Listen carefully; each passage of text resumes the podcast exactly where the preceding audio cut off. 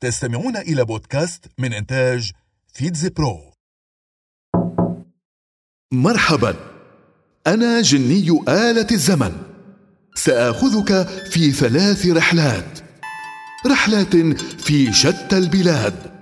حدثت فيها أحداث في مثل هذا اليوم بالذات. 2016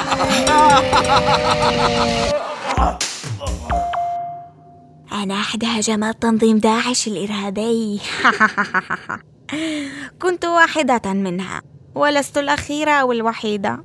فسبقتني هجمات عدة مماثلة في بلدان مختلفة من العالم.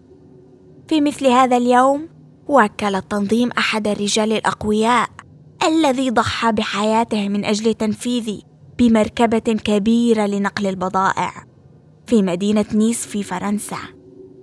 لقد كنت هجوما مسرعا. استهدفت مجموعة كبيرة من الناس الذين كانوا يرقصون ويحتفلون بالعيد الوطني الفرنسي في منتزه الإنجليز. لقد حولت احتفالهم إلى عزاء. توقفت الموسيقى وعلت الصرخات وتطايرت الجثث في كل مكان. لقد كنت هجمة مثمرة. قتلت أربعة وثمانون شخصاً. وجرحت العشرات. 1958 أنا الانقلاب الرابع عشر من تموز. معروف عن العراق أنه بلد الانقلابات. ففي مثل هذا اليوم كان قد تم التخطيط لي بشكل دقيق. فكنت ثورة عسكرية كبيرة قادها نخبة من العساكر والضباط في حركة الرابع من تموز بقيادة عبد الكريم قاسم. وكان الهدف مني إطاحة المملكة العراقية الهاشمية وتأسيس الجمهورية العراقية. قتل خلالي جميع أفراد العائلة المالكة العراقية وعلى رأسهم الملك فيصل الثاني. الذي كان يبلغ حينها 23 عام. بعد حدوثي بسنوات انقلب السحر على الساحر وحصل انقلاب آخر غيري أطاح بعبد الكريم قاسم وأعدم في عام 1993 1789 هاي بست. أنا سجن الباستيل في باريس. في فرنسا. كنت أشبه بقلعة مظلمة ومحصنة من العصور الوسطى. اذكر كم استمتعت بتعذيب المساجين داخل زنازيني وكم لطخت أبوابي وقضباني دماء بعضهم.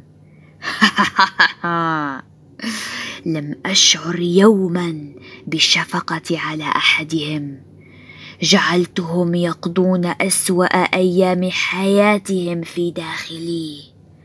كنت من أخطر السجون التي عرفها العالم ومثلت رمزا للسلطة الحاكمة الظالمة في باريس. لكن في الرابع عشر من تموز في مثل هذا العام تمت إحاطتي ومن ثم اقتحامي من حشود المتظاهرين الذين طالبوا بإسقاطي. لقد كان سقوطي بمثابة شرارة لاندلاع الثورة الفرنسية التي غيرت معالم أوروبا. ومنذ ذلك الحين تعتبر ذكرى سقوطي مناسبة وعطلة رسمية. في فرنسا. العودة إلى الواقع.